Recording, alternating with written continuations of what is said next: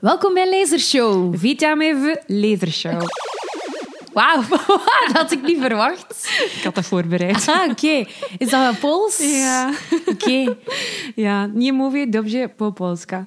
En dat is... Ik spreek geen Pools. Ah, oké. Oké, oké. Hebt u meteen ook ingedekt voor de rest van de aflevering? Ja, nee. ik heb daar, drie, ik heb daar eh, denk ik, een aantal jaar geleden eh, een maand of twee stage gedaan hè, in Polen. Yes, yes, Dus yes. ehm, ja, maar misschien een beetje vertellen waarom dat we hier in het Pools bezig Ja, zijn. ja.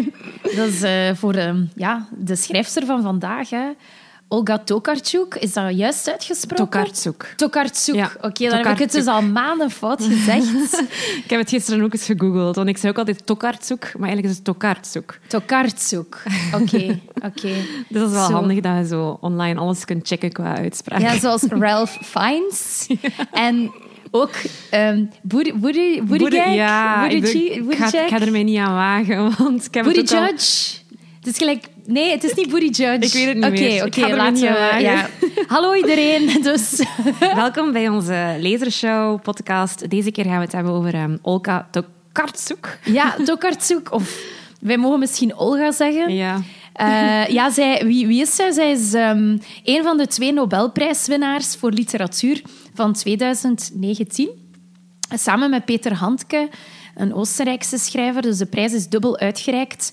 Mede omdat er ehm, schandalen waren bij het Nobelcomité MeToo-schandalen. Dat is in 2018 Ja. geen prijzen uitgereikt. Zij heeft eigenlijk de prijs gewonnen voor 2018 Ja. en, en um, Handke voor 2019. Maar eigenlijk was het een gezamenlijke, Ja, ja, tegelijkertijd. eh, Ja, Tokarczuk eh, is mij eigenlijk niet bekend, of was mij niet bekend tot voor het eh, uitreiken van die prijs. En Handke ook niet. Ik weet niet of dat jij... Handke had ik al van gehoord, maar van Tokarczuk had ik eigenlijk echt eerlijk gezegd nog nooit gehoord. Nee, nee. Maar dat is vaak met die Nobelprijswinnaars.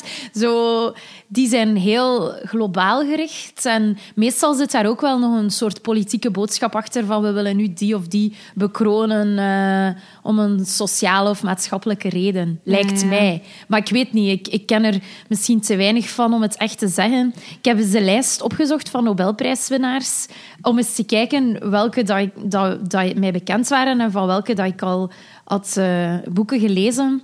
En dan voornamelijk eigenlijk de Engelstalige winnaars, ehm, zoals ehm, Steinbeck of... nu moet ik even kijken en spieken. Wat zijn er meer? Steinbeck, Dus? George Bernard Shaw, ja, dat is dan eerder toneel. ehm, Nadine Gordimer, denk ik ook. Ja. gewonnen. Ja. Samuel Beckett. Hemingway. Hemingway, of course. eh, en dan Camus, Faulkner, T.S. Eliot, Toni Morrison heeft ook weer een keer niet. Toni Morrison. Ehm, ja, dat is een goede vraag. Wacht, hè. ik ben hier aan, oh, aan het kijken. Eh, Alice Munro Ah, en Toni ja. Morrison. Een goede vraag, wacht. Hè. Ik zit hier nu al in het jaar 96. En, ah ja, ja, in 1993. Ja, ik dacht het. Ehm, voor haar visionaire kracht en poëtische inbreng, waarbij ze een wezenlijke kant van de Amerikaanse werkelijkheid tot leven brengt. Mooi. Ja, ze kunnen altijd mooi formuleren. Hè, Ja. Olga dus voor een vertelkunst die met encyclopedische passie grensoverschrijding als levensvorm vormgeeft. ja, die encyclopedische passie, daar gaan we het straks nog over hebben, denk ik. Dat is echt ook exact hoe dat, wat, wat dat ik voel bij dat boek dat wij vandaag... Ja. Ja, Ehm, ik weet ook, allee, ehm, je hebt zo die Antwerpse, die ehm filosoof en schrijfster ook, Alicia Geschinska, ken Ja, je die? Die woont Zij- in Leden. Dat is, Ah, ja, ja, dat is, maar die is wel misschien Ja, van? Antwerpen. Ja. En zij had ook eh, gereageerd, denk ik, in een artikel dat ik had gelezen, dat ze eigenlijk blij was dat er zo'n keer een Nobelprijs ging naar ehm, het Poolse en het eh, Duitse taalgebied. Eh, omdat zij toch vindt dat er ehm, de, ja, de laatste jaren een beetje te veel aandacht ging naar zo meer het Anglo-Saxisch ehm, taalgebied. En zij vond dat dan... Allee, haar commentaar was dat ze blij was dat er een keer iets anders ook... Je bedoelt Eh, algemeen in de literatuur of de Nobelprijs? Dat weet ik niet goed. Want als je kijkt... Misschien hè, in het algemeen de Ja, aandacht. ja dat, literatuur. dat klopt. eh, Want als je, als je kijkt naar sinds de afgelopen 15 jaar, dan zijn er ehm, maar een paar Engelstalige winnaars. Ah ja, Kazuo Ishiguro Hmm. van The Remains of the Day. En eh, hoe heet nu weer die film? Never Let Me Never Go. Let Me Go, ja, en die- het boek ook natuurlijk. En Bob Dylan, hè. Ja. ja, wat vinden we van de Nobelprijs, court? Ehm, voor Bob Dylan of algemeen? In het algemeen is dan nog... Allee, Heeft dat niet een beetje van zijn geloofwaardigheid? Ook, is dat niet zo- zo'n comité van allemaal oude, witte mannen Oude zakken. met grijs Ja. haar, die dan zo'n keer samenkomen en zo'n keer zeggen van wij gaan bepalen wie dat er hier een prijs gaat krijgen. Allee, ik weet niet. hè. Ja, ja ik... Die, ik, die Nobelprijs ja. voor Bob Dylan heeft ook heel wat stof doen opwaaien een tijdje geleden. Ja, ja daar was, was, veel eh, controverse over. Hè? Was Jonathan Safran Foer niet mega pist? Ik denk dat Dacht die- hij dat hij de Nobelprijs ging winnen of zo? Sorry, denk- Jonathan. Ik denk dat hij toen in Gent was zelfs, voor in de vooruit een lezing te geven. En die heeft echt zo'n rant gegeven in een taxi, denk ik, over het feit dat Bob Dylan die prijs kreeg. Ja, ja, ja, ja, inderdaad. Die teksten. eh, ja, eh, ehm, goh, ik weet het niet. Ik ben wel benieuwd ook, want het boek dat is uitgebracht over het Nobelcomité door een, een, een vrouw die, die dat MeToo-schandaal in Zweden naar buiten heeft gebracht, is naar het schijnt heel interessant. En misschien dat ik dat wel zou willen lezen. Maar ehm, ja, ik, het lijkt mij zo'n beetje zoals de Oscars. Ja. Of, of ik weet niet of dat, dat een terechte vergelijking minder is. commercieel, Minder commercieel. Want ik. ja, Paulien, ik weet, ja, ieder, jij kent het uiveren van Mojan, maar, maar niet iedereen. Mooi, Jan. Nee, Moyan was de winnaar uit China uit 2012. De Chinese, die Chinese volksverhalen vertelt. Ja, ja. nee, dus helaas niet. Maar goed, Tokarczuk. Ja. Tokarczuk. Ja, Tokar, Tokarczuk. Ja. Het boek dat we vandaag gaan bespreken is eigenlijk ehm, De Rusteloze. En in het Engels is dat vertaald als Flights. De Poolse titel, daar ga ik mij ook niet aan wagen. Eh, het is een boek van 2011, dus het is eigenlijk best wel oud ook. Ehm, en ik vind de titel wel mooi, De Rusteloze. Ik herken mij daar wel een beetje in. Ja. Het is van toepassing op mezelf, dacht ik. ja, het is eh, inderdaad een, een, een mooie titel. Ik vind De Rusteloze voor ene keer wel mooier dan Flights. Ja, en het heeft ook... Het is breder van begrip dan, dan Flight, Ja, want oké, er zijn wel bepaalde stukjes die gaan over reizen en, en vliegtuigreizen ook, maar het is veel meer dan gewoon dat. Het gaat echt zo over reizen en beweging en, en het menselijk lichaam. Het is eigenlijk niet echt een boek-boek zoals dat we gewend zijn. Het is niet één verhaal, maar het zijn zo heel kleine stukjes. Het is vrij fragmentarisch, eh, vrij filosofisch vond ik ook. Vond je dat ook? Ja, ja. Ik dacht, ja, iemand eh, die zo meer achtergrond daarin heeft, gaat daar misschien nog veel meer uithalen dan ik. Eh, uit al die dingen dat ze aanhaalt en zo, Ja. al die ideeën dat ze linkt met elkaar. En, en ja, Ja, dat klopt. Ehm, ik had hetzelfde gevoel. Het is heel filosofisch. Het gaat over...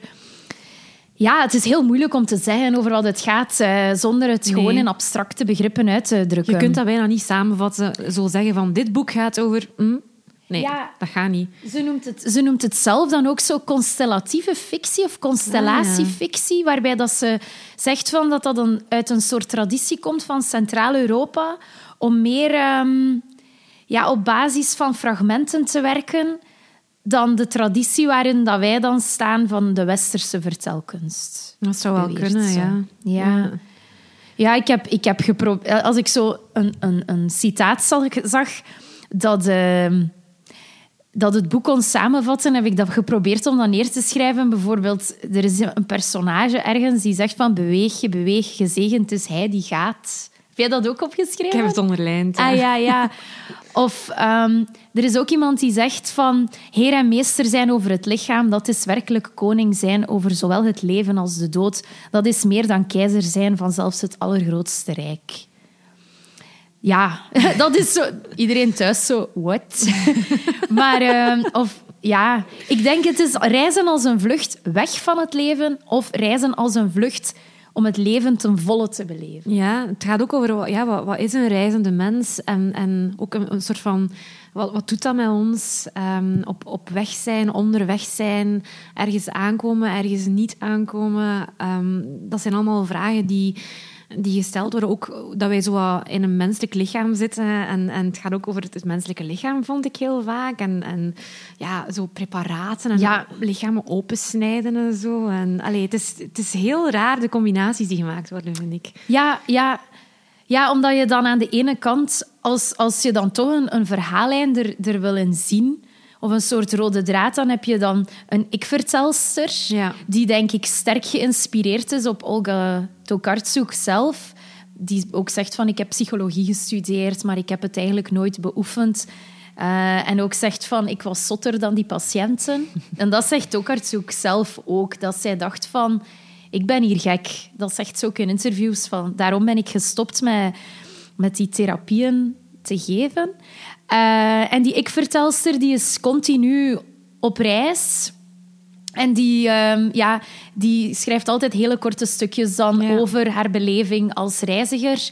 En die vertelt dan ook verhalen van anderen uh, of over anderen die ze ja. zelf heeft gelezen of die mensen aan haar vertellen. En er zijn ook zo kleine fragmentjes, zo de zus van Chopin die het hart van Chopin terugbrengt naar Warschau. Warschau ja. uh, je hebt dan die, dat vond ik het raarste verhaal van die ene man die zijn vrouw en zijn kind kwijtgeraakt op een eiland in Kroatië, denk ik.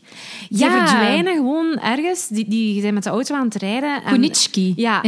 dus die, die stopt dan even, want zijn vrouw moet plassen. En um, dan verdwijnt die vrouw en dat kind gewoon. En die, heel dat eiland wordt dan eigenlijk in rep en roer gezet om te zoeken. Ja. En dan blijkt later dat die vrouw en kind gewoon teruggekomen zijn. Maar hij wordt daar zo'n beetje psychotisch in en hij vertrouwt daar niet meer. En hij wil echt weten, wat is er daar gebeurd op dat eiland? Waar ben je naartoe gegaan? Ja, is, hij wil, ja. ik, ik, had zo opgeschreven van... Het feit dat hij geen... Hij heeft gedurende een paar dagen niet geweten waar dat zijn vrouw en zijn kind zijn... En daardoor had hij op dat moment misschien geen controle over wat er met hen gebeurd is. En dat maakt hem achteraf gek dat hij in zijn gedachten geen controle had over die lichamen van zijn vrouw en zijn zoon. Uh, om, hij is heel wantrouwig ja. en hij wordt bijna psychotisch en hij ziet overal linken die er niet zijn. Uh, krijgt zo maar dat ja. vond ik ook. Dus het boek begint daar bijna. Allee, dat is denk ik een van de derde stukjes of zo. Beginnen we met situatie en dat eiland. En dan wordt dat pas hebben we een heleboel andere dingen die daartussen komen. En dan pas naar het einde van dat boek toe, en het is ja, vier, meer dan 400 pagina's, denk ik, dan gaat dat terug naar Kanuchki. Of, hey, Ja. en, en dan horen we wat er met die vrouw en dat kind gebeurd is. En dan denk ik, allee, ik hoor eigenlijk liever wat wat sneller. Het fragmentarische hield mij soms ook wat Oh. tegen. Ja, mij ook. en ik dacht, op basis van de achterflap proberen ze dan toch ook, zoals dat wij proberen, die rode draad te, te vinden. Of- Verhaallijn, ja, die verhaallijn. En dan is een van de dingen die er op de achterflap staat in die tien zinnen tekst, hè, van daarnaast is er het verhaal van meneer Konitschki en de geheimzinnige verdwijning van zijn vrouw. Na, na, na, na. Maar dat is eigenlijk maar een heel klein Ja. stukje van dat boek, dus dat is eigenlijk misleidend. Dat is misleidend, want ik dacht zelfs op een bepaald moment van... Ik was al bijna een pagina 350. Ik dacht, oké, ze gaan hier niet meer op terugkomen. Wanneer komt Konichi terug? Ja, dat is gewoon... dacht zo van het vraagteken van die verdwijning, het is klaar. en ik dacht ook dat die ik-vertelster... Dat die dan het andere personage zou zijn dat op de achterflap wordt vermeld. Want op de achterflap wordt er ook ges- gesproken over Anoushka, een Ah, jonge ja. Moskovite die gebukt gaat onder de zorg voor haar gehandicapte zoontje en zij vlucht en kiest voor een dakloos bestaan in de Moskouse metro. Ik dacht op een bepaald moment dus dat die vrouw, die altijd in stukjes over haar reizen vertelt, dat, dat dan de grote reveal ging zijn van dat zij ook haar zoon had achtergelaten, maar dan bleek dat dat gewoon ook een passant is in haar verhalen. Ja. En dat vond ik jammer, want ik had graag meer willen lezen over die. Moskouse Anoushka. Ja, dat is ook eigenlijk... Ik denk dat dat misschien 50 pagina's was, dat Ja. verhaal van die Anoushka en die metro. Ja, en dat ze dan zo gewoon... Allee, op een gegeven dag gaat ze gewoon weg van haar, van haar gezin en, en die stapt de metro in en die wil niet meer naar huis. Is een heel fascinerend verhaal wel, maar ja... Het gaat ook weer over lichamen, hè? Ja, en het is ook maar gewoon een passage in dat hele boek. Ehm, ja, ik weet niet goed...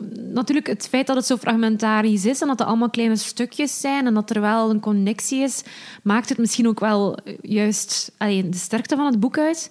Maar ik denk dat dat veel mensen echt afschrikt. Ja, Dat veel mensen zoiets hebben van...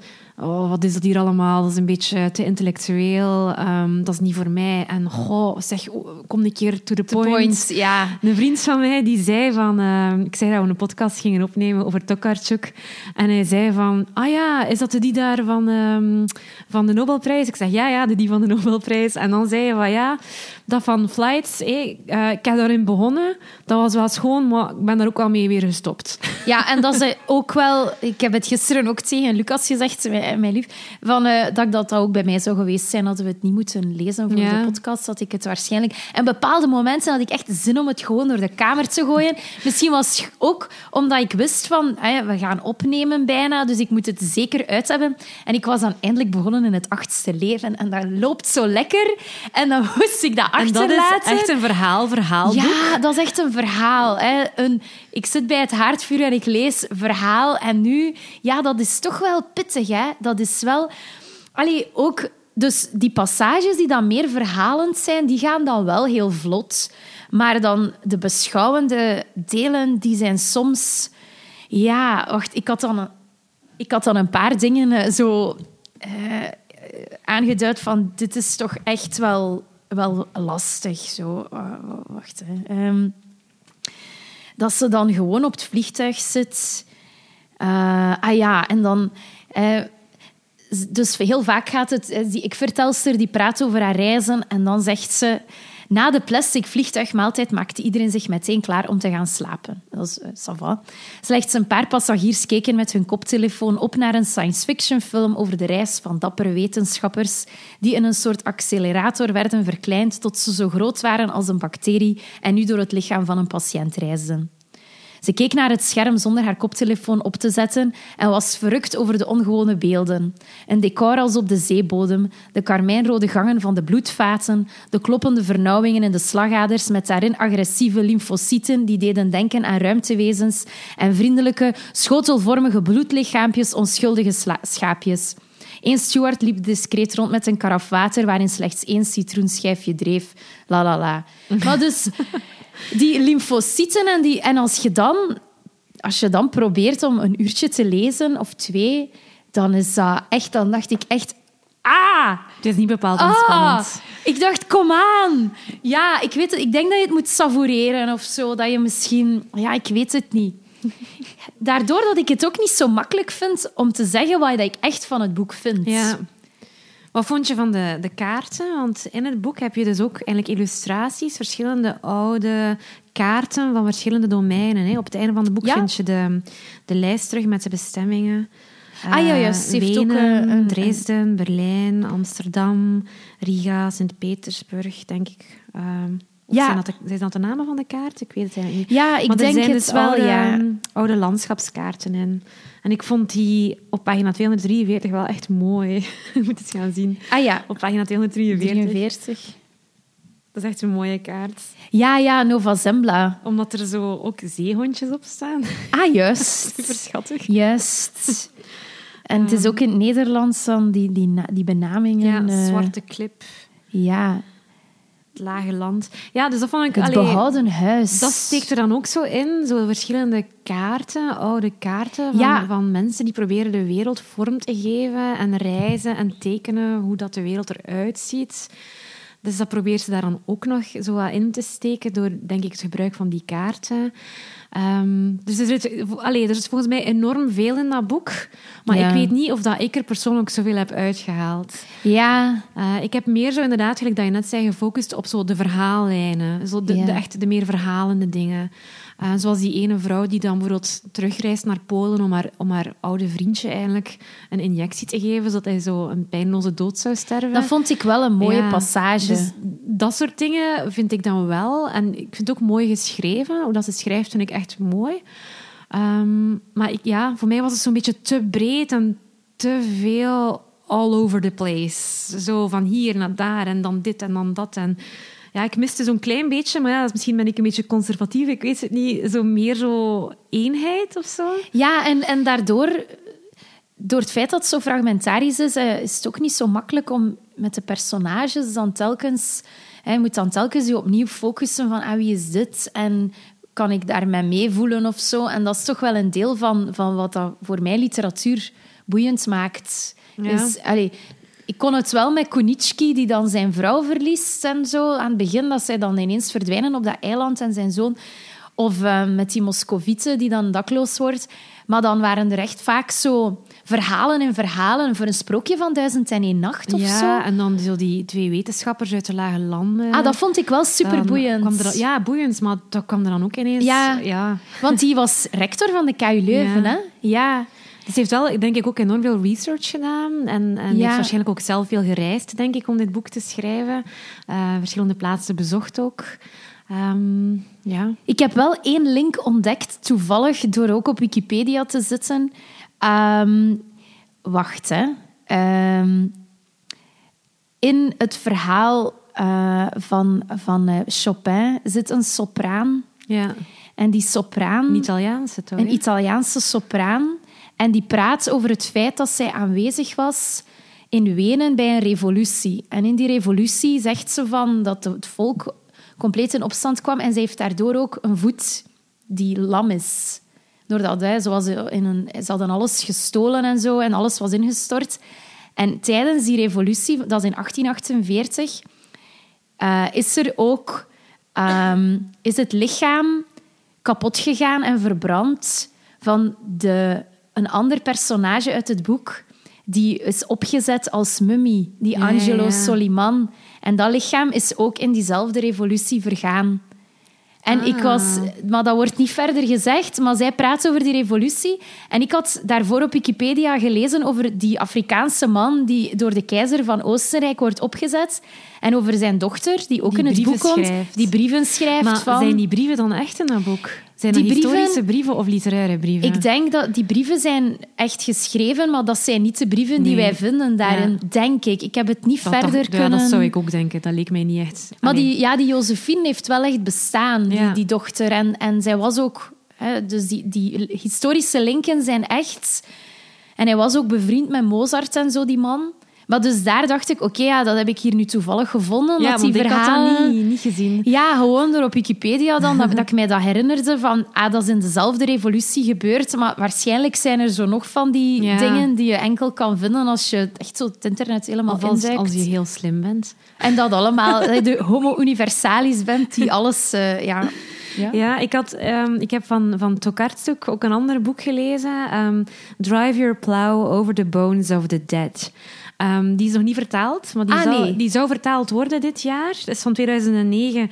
Ehm, en eigenlijk, als we die titel zouden willen vertalen, is het... Ja, drijf uw ploeg over de beenderen van de doden. Dus dat is een heel naargeestige titel eigenlijk. Ehm, en het is ook, ik heb het ook meegebracht, dat boek, want dat vond ik eigenlijk wel echt heel goed. Ja, En ja. dat is ook meer een verhaal eigenlijk echt. Hè. Het is eigenlijk een soort van donker sprookje, ehm, maar tegelijkertijd ook heel grappig. Ehm, heel absurd en, en er zit heel veel vreedheid ehm, eigenlijk in. Ik wil misschien kort een keer het verhaal schetsen ook, want allee, ik, denk, ik wil niet dat mensen na deze podcast zo denken van Tokarczuk, ik ga daar niet aan beginnen, want, want allee, het is te moeilijk. Dit boek hier, Drive Your Plow Over the Bones of the Dead, is wel echt toegankelijker, vind ik.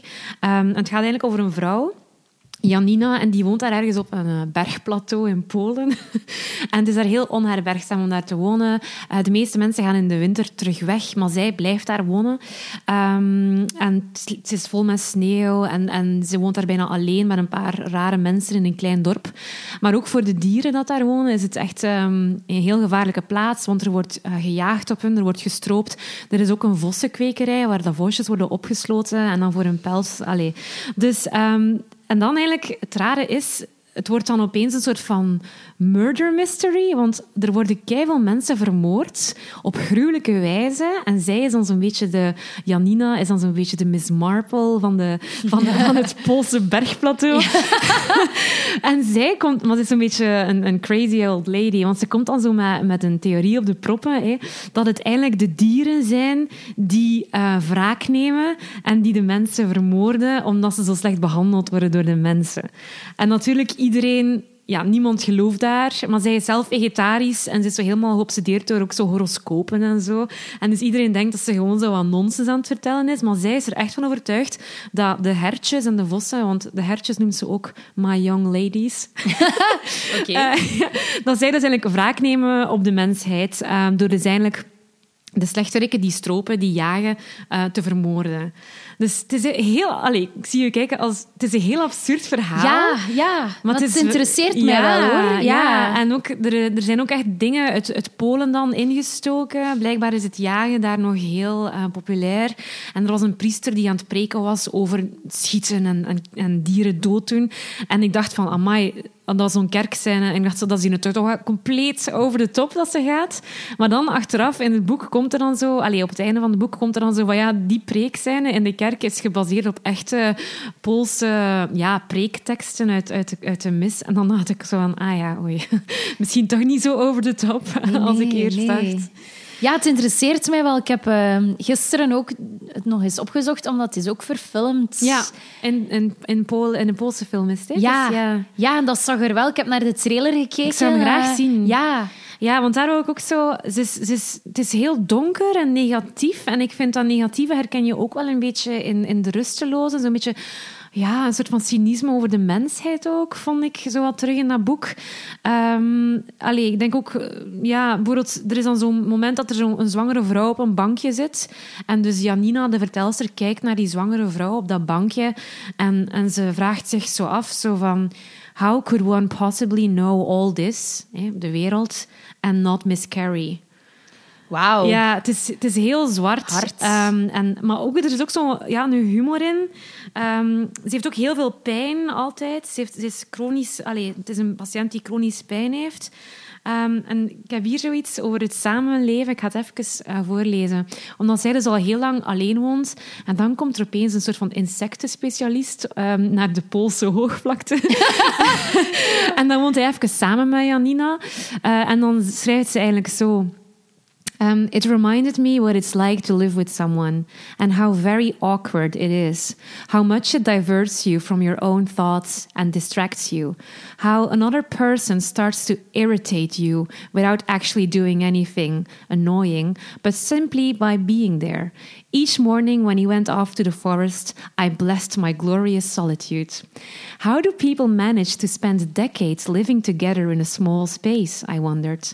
How can they possibly sleep in the same bed together, breathing on and jostling each other accidentally in their sleep? I'm not saying it hasn't happened to me too. For some time, I shared my bed with a Catholic, and nothing good came of it.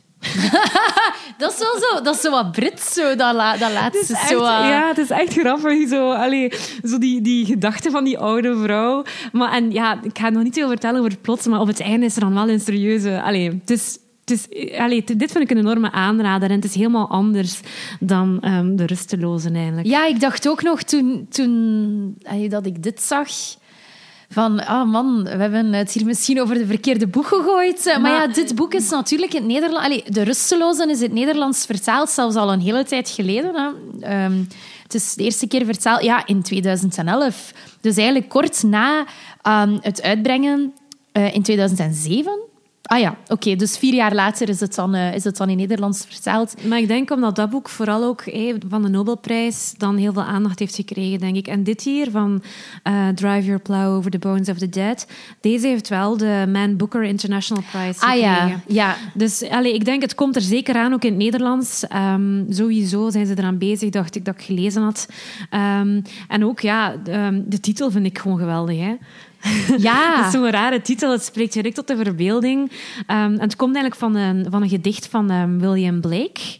Um, ook al zo'n vreemde vogel. Ja, een vreemde vogel, inderdaad. Uh, en die ook, um, ja, die ook eigenlijk heel vaak over dieren schrijft en, en hoe dat we dieren behandelen. Dat dat toch ook iets zegt over onze staat als, als mens, eigenlijk. Uh, maar er waren wel ook uh, stukken waar dat ze zo praten over beweging en pijn en het lichaam, dat mij toch weer terugdelen denken aan de rusteloze. En dat is het laatste stukje dat ik even nog wil lezen. Dus ze heeft heel veel pijn. Uh, en ze schrijft daar ook over. Um, ze is ook moeten stoppen met haar werk. Ze was vroeger een bruggenbouwer. maar echt... Een, ja. Fysiek, ja. ja. Uh, en ze is moeten stoppen met haar werk omdat ze zoveel pijn had. En dan zegt ze van... Ze schrijft over haar pijn. There is no hiding from this pain. There are no pills or injections for it. It must hurt, just as a river must flow and fire must burn.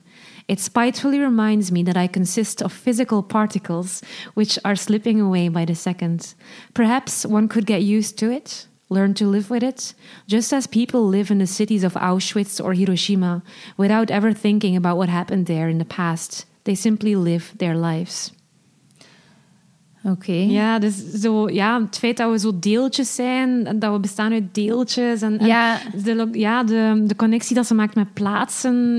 mij- allee, ik herken heel hard haar stijl uit de rusteloze, maar hier is het dan meer in een verhaalvorm, wat ik denk dat toegankelijker is voor veel mensen. Ja, en zo het, het, de pijn doorstaan is dan wel weer echt een katholieke gedachte. Ja, Ondanks het feit dat, Ja. dat zij... ja nee, maar het is niet per se van doorstaan. Het is gewoon van, ze ziet er keihard mee af. Maar ja, ja je, je leeft ermee. Ze berust in haar lot. Ja. Ja, ook, ze Ja. moet daar niet leven op die Poolse hoogvlakte. Hè. Ze, kan ook, ze heeft ook een huisje in Wrocław. Oké. dat, dat schrijf je als Wroclaw. Ah Maar ja, ze- ah, Wrocław. ah, dat ken ik wel. Ja. Ik wist niet dat je dat zo moest uitspreken. Ehm, en, maar ze, zij kiest ervoor om daar in, dat, ja, in die sneeuw en die koude en zo die bittere mensen, om daar zo te wonen eigenlijk. Ehm, wat dan misschien nog één iets is dat ehm Tokarczuk eigenlijk ook, zij is niet super populair bij een groot Nee. deel van de Poolse bevolking. nee, want het boek dat, dat jij nu net eh, hebt Ja. besproken... Daar, daarvan zeiden er Polen van dat, dat moedigt aan tot ecoterrorisme. Ja, En omdat ze- ik vond het heel interessant. Ik ben zelf ook vegetarisch. Hoe dat ze schrijft over dieren en hoe dat we als mensen dieren gebruiken op een industriële schaal eigenlijk. Ik vond het heel interessant.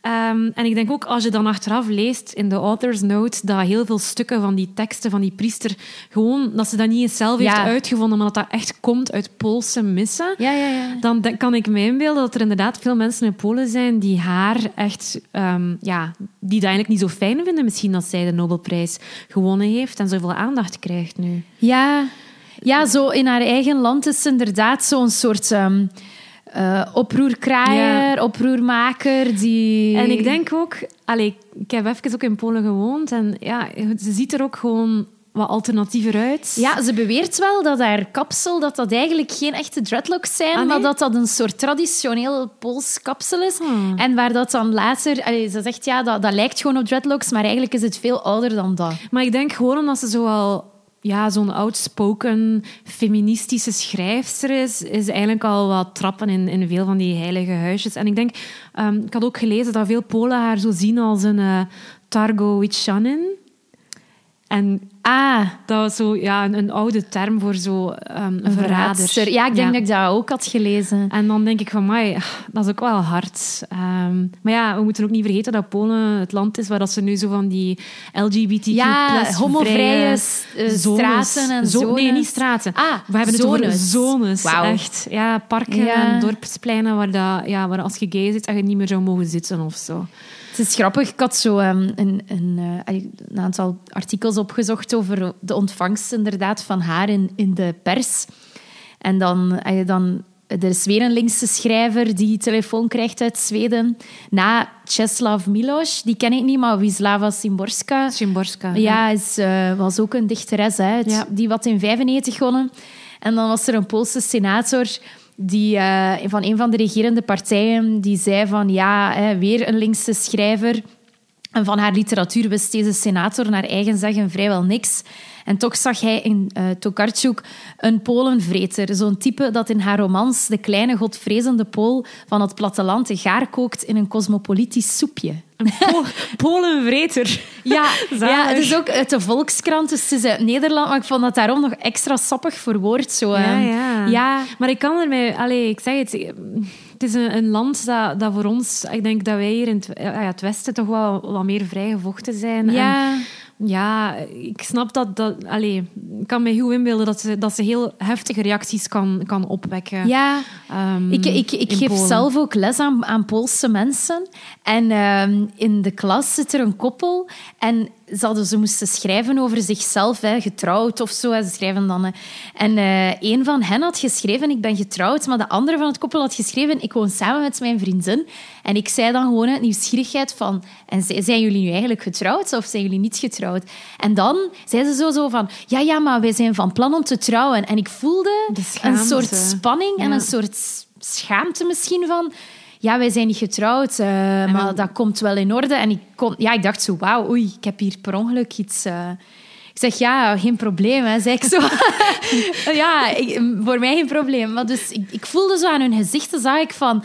Ja, die zijn nog vrij jong, ik denk zo Ja. eind de twintig. En... Het was ook, heb je dat gezien? Dat, we zijn even aan het uitweiden over Polen. Maar dat liedje van Laïs, of, of Laïs, het smitsje. Ja. Weet, ken je dat liedje? Dat Ja. blijkbaar dus een hit is bij de Poolse jeugd. In En- Nederland? Ja, en dat- zo dat, dat volkse melodietje. En dan, dan allee, dat was een nieuwsfragmentje. En dan zag je zo'n bende Polen, die zo allemaal aan zo'n cirkeldans aan het Ah doen ja, dat is zo'n jig, hè? Ja, Zo'n daarom. En ik dacht echt zo van... Hmm, ja. Ja, maar naar, naar het schijnt is Warschau zo echt ook zo'n heel hipster eh, stad, eh, stadje. Ja, ik ben er al een paar keer geweest, maar het is heel dubbel. Hè. Ehm, er was bijvoorbeeld zo'n plein waar er zo'n grote regenboog op stond en de tram moest daar dan zo doorrijden. Het was super schoon en ik weet dat ik daar zo nog als toerist foto's van had genomen. En dan twee jaar later was ik opnieuw in Warschau en was die regenboog weg. Eh, omdat er blijkbaar veel negatieve reacties op waren gekomen. Ja, ik, ja. Het, is, het is een fascinerend land hoor, Polen. En het is heel mooi ook om te reizen. Maar ik wil zeer graag eens naar Polen gaan.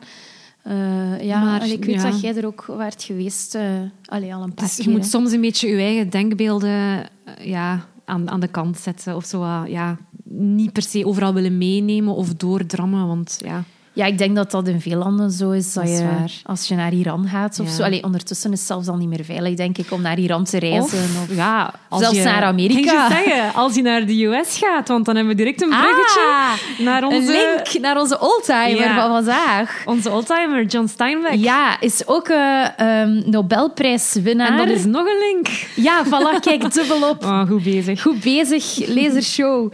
Ehm ja, dus ehm, John Steinbeck, jullie misschien wel bekend als schrijver van eh, De druiven van het gramschap. The Grapes of Wrath. Ja, ja. Of Ehm, nog eerder misschien van Of Mice and... Ja, ik denk eerder Of Mice and Men, omdat dat zo heel van muizen en mensen Ja, zo ja, een, ja. een heel klein, kort boekje is. Supermooi. En is Istoviden ook Ja, geen ja. film met James Dean?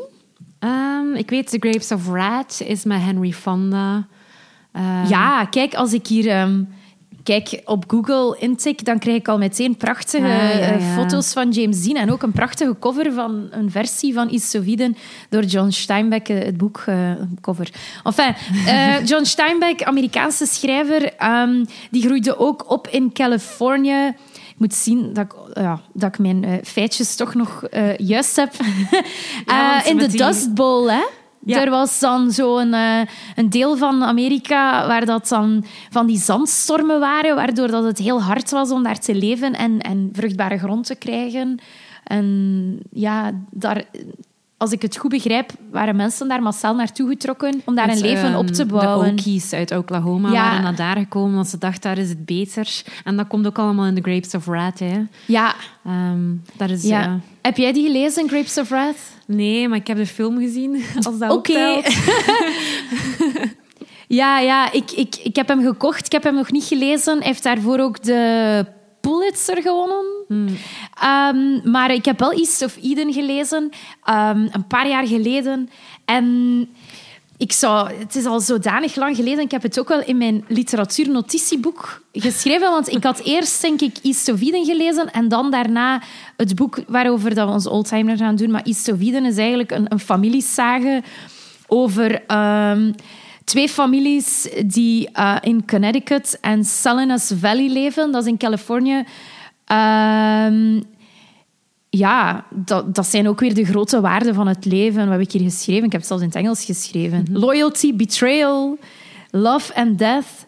En dan is er zo een evil eh, personage, eh, een zekere Cathy, die dan zo wel de, de duivelse vrouw is. En het is enorm geïnspireerd op de bijbelse motieven van Kain en Abel. En wat is uw plaats tegenover God?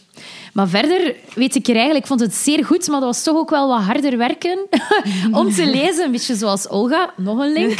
Maar Travels with Charlie Ja. is dan eigenlijk het boek dat we daar hier linken aan onze aflevering van vandaag. Reizen, reizen met Charlie. En Charlie is eigenlijk een Franse poedel. Hè? Voor de mensen die het niet zouden weten. Eh, ja, John Steinbeck heeft eigenlijk later op uh, latere leeftijd eigenlijk, uh, heeft hij een reis gemaakt, eigenlijk door de staten van Amerika. Hij is begonnen denk ik in Maine en is geëindigd in Californië of Texas, ik weet het niet meer. En um, als enigste um, compagnon had hij eigenlijk zijn hond meegepakt. Hè. Charlie, en hier ook op de cover van mijn boek ah. zie je Charlie. Het is een, een bruine, grote Franse poedel eigenlijk. Um, ja, daar zijn toffe foto's van, van die... Van, ik denk van, van hem en van die reis ja. en zo. En je kan ook... Uh, hij had ook een naam voor zijn, voor zijn camper als ik dat juist zeg, Rocinante, ja. dat, was dan, dat, is ook het paard van, van Don, Don Quixote. Ja. ja. Ja. het, is, het boek zelf heb ik denk ik um, goh, vier jaar geleden gelezen, of drie jaar geleden, toen ik zelf in de US uh, aan, het, aan het reizen was. Maar ik, ik vond het niet... Allee, ik, ik, denk dat ik zijn fictie beter vind, dat dat mij meer aanspreekt dan zo deze reisliteratuur. Um, ja, ik, allee, het is mij niet per se mega hard bijgebleven eigenlijk, Travels with Charlie. Um, en Jij misschien wel? Um, wel, ik, ik heb het ook gelezen in 2014. In My Salad Days. Het boek is, het boek is wel van 62, hè? dus misschien ja, moet je ja, dat ja, ook ja. even schetsen. Ja, ja, de Steinbeck is dood. Hè. uh, al lang, want hij is ook niet lang na, na die reis ook gestorven. En zijn zoon zei van, ik denk dat, dat hij voelde dat het bijna voorbij was voor hem. Um, en dat hij daarom die laatste trip wil maken. Maar het leek mij daarom juist interessant om eens te lezen van allee, iemand die in 62 rondreist in de US, hoe, allee, hoe verhoudt zich dat tegenover de, allee, iemand die nu in de US rondreist in, allee, in 2000? Um, in, ja, juist. Maar hij is in 68 gestorven en hij het... heeft gereisd in 19... 61, 62, zo 1960, ik weet niet. Ik ja. vond het een beetje verouderd, zo het hele... Ja, het was zo niet echt mijn ding. Ja, het is ook een tijdsdocument. Ja, hè? ja omdat... Ik, ik vond het toen mega goed. Um, ik vond het heel mooi geschreven. En, en, hij, en hij ziet ook hoe dat Amerika aan het veranderen is en hoe dat dan de civil rights movement, uh, de burgerbeweging, opkomt. En um, ook over... Um, ja, dus hij ziet ook met zijn eigen ogen, zo gezegd, want daar zitten ook veel onwaarheden in in dat boek. Hè. Dat is, je moet dat meer als bijna ja, een verhaal zien dan als allemaal waarheidsgetrouwe dingen, naar het schijnt. Um, de, blijkbaar op het einde had ik toen geschreven... De cheerladies, dat waren vrouwen die de desegregatie van het onderwijs in New Orleans, New Orleans uh, wilden stoppen. En uh, dan, vond, dat vond ik wel heel goed. En de opkomende opstand van de African Americans in de burgerbeweging stemt tot nadenken. Ja, die stonden daar gewoon te schreeuwen aan scholen. Als Ja. er dan zwarte kinderen toe kwamen, begonnen die allemaal zo te schreeuwen daartegen. Ja, dat komt er inderdaad in. Dat van die onwaarheden, weet je dat door... Heb je dat boek gelezen van Geert Mak? Uh, nee, ik heb het hier wel liggen. Want heb daar- jij het gelezen? Ik, nee, ik niet, maar mijn vriend heeft het gelezen. Ehm, Geert Mak. Ehm, het rare is, het boek in Nederlands, je hebt het in het Engels, in het Nederlands noemde het... ehm, Reizen zonder John. Reizen zonder John. En John is dan eigenlijk John Steinbeck. Ja. Maar in het Engels is het in Amerika Travels with John. Uh, dus ja, ik vraag me af waar dat, dat vandaan komt. Maar blijkbaar in dat boek, uh, mijn vriend zei, um, zoals dat jij net zei, dat, dat Geert Mak eigenlijk een beetje de, ja, de mythe van, van John Steinbeck, de man die schrijft over Amerika en rondreist met zijn hond, dat hij dat ook een beetje ontkracht. En dat er inderdaad heel veel dingen gewoon pure fictie waren. En dat hij dat gewoon heeft zitten uitvinden. Ja, ik, ik denk dat ik het wel al... Ik, ik weet niet of het hierdoor komt, want ik heb er wel stukken van gelezen van het boek van Geert Mak. Maar dat het ook...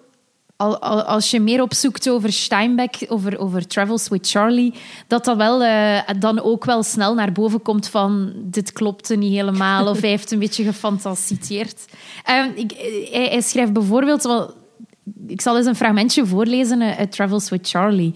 Ehm, over, ehm, hij schrijft over de Rocky Mountains en dan over Lewis en Clark, die dan het Westen hebben opengebroken, omdat vroeger in het westen van de Verenigde Staten bijna niemand woonde en zij waren dan zo pioniers die daar dan waren gevestigd. En ehm, hij zegt van...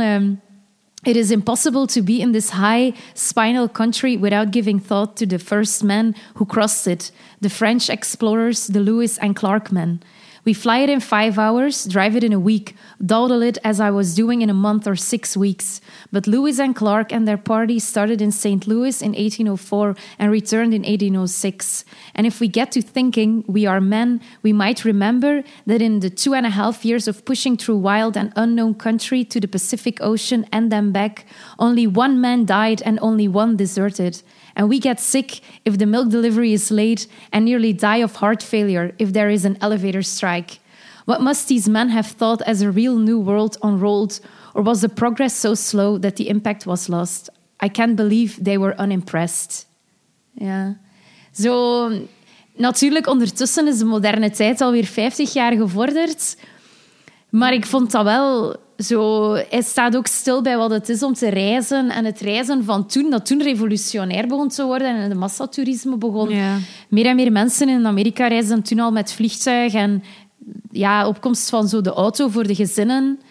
En dat hij dan denkt aan... Ja, ik vond dat wel... Dat hij de link maakt met de pioniers. Ja, en ook over, ja. zo, over de sequoia's, die bomen. En, ehm, they are ambassadors from another time. En zo. Ja, ik weet niet. Ik, het, mij kon het wel... eh, maar ja, vind- ik weet niet, het is zes jaar ja, geleden. hè. je moet het in zijn tijd lezen, denk ik ook natuurlijk. Ja, ik vind dat soort... Ja, zo die, die vergelijking met die mannelijke pioniers die dan zo... Oké. Allee, ja, de Wild West hebben overwonnen en er een garden van gemaakt hebben, wil ik dat ze zeggen. Ja, het is, allee, dat, is, dat gaat aan mij een beetje verloren zo. Maar hij is wel iemand die veel heeft geschreven, ook over reizen. Ik heb hier nog een boekje van hem mee. ehm, John Steinbeck, A Russian Journal, with photographs of Robert ehm, Kappa. En dus dat gaat eigenlijk over zijn reis dat hij ook heeft gedaan Ehm, in Rusland hij heeft eigenlijk door de Sovjet-Unie ge- gereisd, van Moskou en Stalingrad, eh, Oekraïne. En heeft hij daar ook eigenlijk een boekje over geschreven. Eh, dus het was ook inderdaad wel een schrijver die zich door het reizen liet inspireren, eigenlijk. Was Dus- dat op het einde van de Tweede Wereldoorlog? Mm, dat is denk ik de Fall of the Iron Curtain was... Ah, Goh, ik ben aan het denken... Oeh, maar nee, dan was hij al ja, dood, maar- ja. het is dat. Het was, het was van... Goh, ik weet niet. Ik zou eens moeten zien wanneer dat, dat geschreven is. want is dat, Eh. ja, ik herinner mij, misschien is het fout dat die zo... Dit is van 48. Ah, ja. 48. Het is net voordat ze zo, ja, echt, ja, eigenlijk na de Tweede Wereldoorlog bijna. Ja, Inderdaad. ja, ah ja, oké. Dus dat wil ik wel graag lezen. Ja, mijn vriend heeft het ook gelezen en zei het wel interessant was om zo het Amerikaanse perspectief te krijgen op heel die Sovjet. Ja, eh, heb jij het gelezen? Nee, nog niet. Ja, het, ziet er, het is ook een mooie, een mooie cover. Ja. Voilà. Oké. Eh, van ja, ik weet niet of dat er nog iets... Met dat je dat zei van, die, van zo, hè, die pioniers en die mannen en zo, dat dat... Ik vond dat ook zoek om even nog terug te gaan naar haar, dat, dat, dat zij dat wel doet dan. Zo bijvoorbeeld de zus van Chopin, Ja. die probeert om... Hè, die uit het hart van Chopin in een, in een glazen bokaal onder haar rokken verstopt. Onder haar hoepeljurk. Ja, en, en dat dat hart was hè, weggenomen uit, haar lichaam, eh, uit zijn lichaam. en dan ook... ehm, ja, de zus die, van, eh, er was ook een zus van een van die, ehm, van die, van die, van die mensen die zo... Er was een keizer die dat, dat, dat rariteitenkabinet Ja, en dan was dat de, de dochter van... Ja.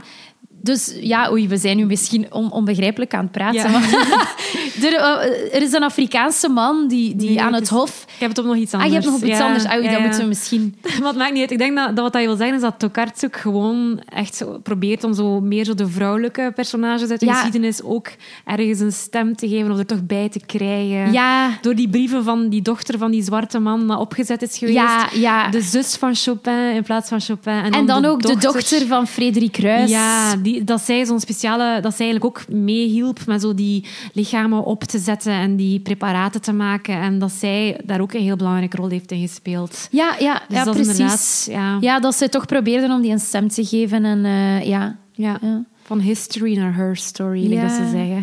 Ah ja, oh, oh. Ja. Ja, Ja, ik denk... ehm, bij deze. Bij deze, voilà. Eh, dan ehm, zien wij elkaar eh, binnenkort eh, terug. Gaan wij al iets zeggen over het volgende boek dat we gaan bespreken? Misschien is dat wel interessant. Oh nee, want ik ben de titel vergeten.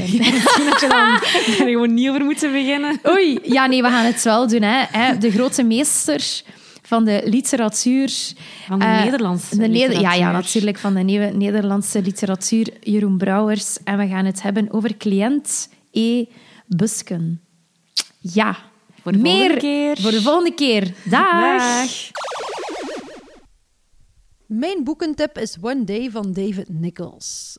Het boek speelt zich af in Engeland en de hoofdpersonages zijn Emma en Dexter. Ze leren elkaar in het eerste hoofdstuk kennen op 15 juli 1988. Het is hun afstudeerfeest en ze hebben een one-night stand met elkaar.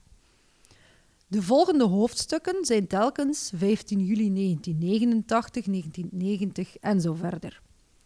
Hun levens zijn altijd verweven met elkaar, maar ze zien elkaar niet ieder, ieder jaar. Uh, het speelt zich af van hun 23ste tot hun 40ste levensjaar ongeveer. En ik vind het een fantastisch boek, omdat zowel Emma als Dexter heel veel beslissingen moeten nemen. Welke job gaan ze doen? Waar wel, willen ze wonen? Willen ze een jaartje naar het buitenland? En als ze een beslissing nemen in een jaar, dan heeft dat niet per se invloed op het jaar erop. Ik heb het boek zelf gelezen toen ik net afgestudeerd was. En uh, het heeft me leren relativeren dat als ik dan een job kies, dat dat niet per se de job voor de rest van mijn leven moet zijn. Als iemand beslist om een jaartje naar het buitenland te gaan, dat die persoon wel terugkomt en dat hier niet per se veel veranderd is. Um, sommige jaren was het ook dat Emma en Dexter elkaar niet gezien hadden, of dat ze elkaar twee of drie jaar zelfs niet gezien hebben. En dat ze dan toch weer samenkomen op een manier dus zelf als je nu vriendschappen hebt uh, die eventjes on hold staan, dan hoeft dat ook niet te betekenen dat die vriendschappen volledig voorbij zijn. Dus ik vind het een heel goed boek. Ik probeer het uh, elk jaar of elke twee jaar opnieuw te lezen. Zeker als ik grote beslissingen moet maken, zoals een nieuwe job of waar ik wil wonen of over een relatie. Omdat ik op die manier besef dat een jaar, er kan heel veel veranderen in een jaar. Maar de beslissingen die je maakt, hebben niet per se invloed op de volgende jaren in je leven. En daarom vind ik het een boek dat iedereen uh, moet gelezen hebben. Um, ja, dat is mijn boekentip, alstublieft.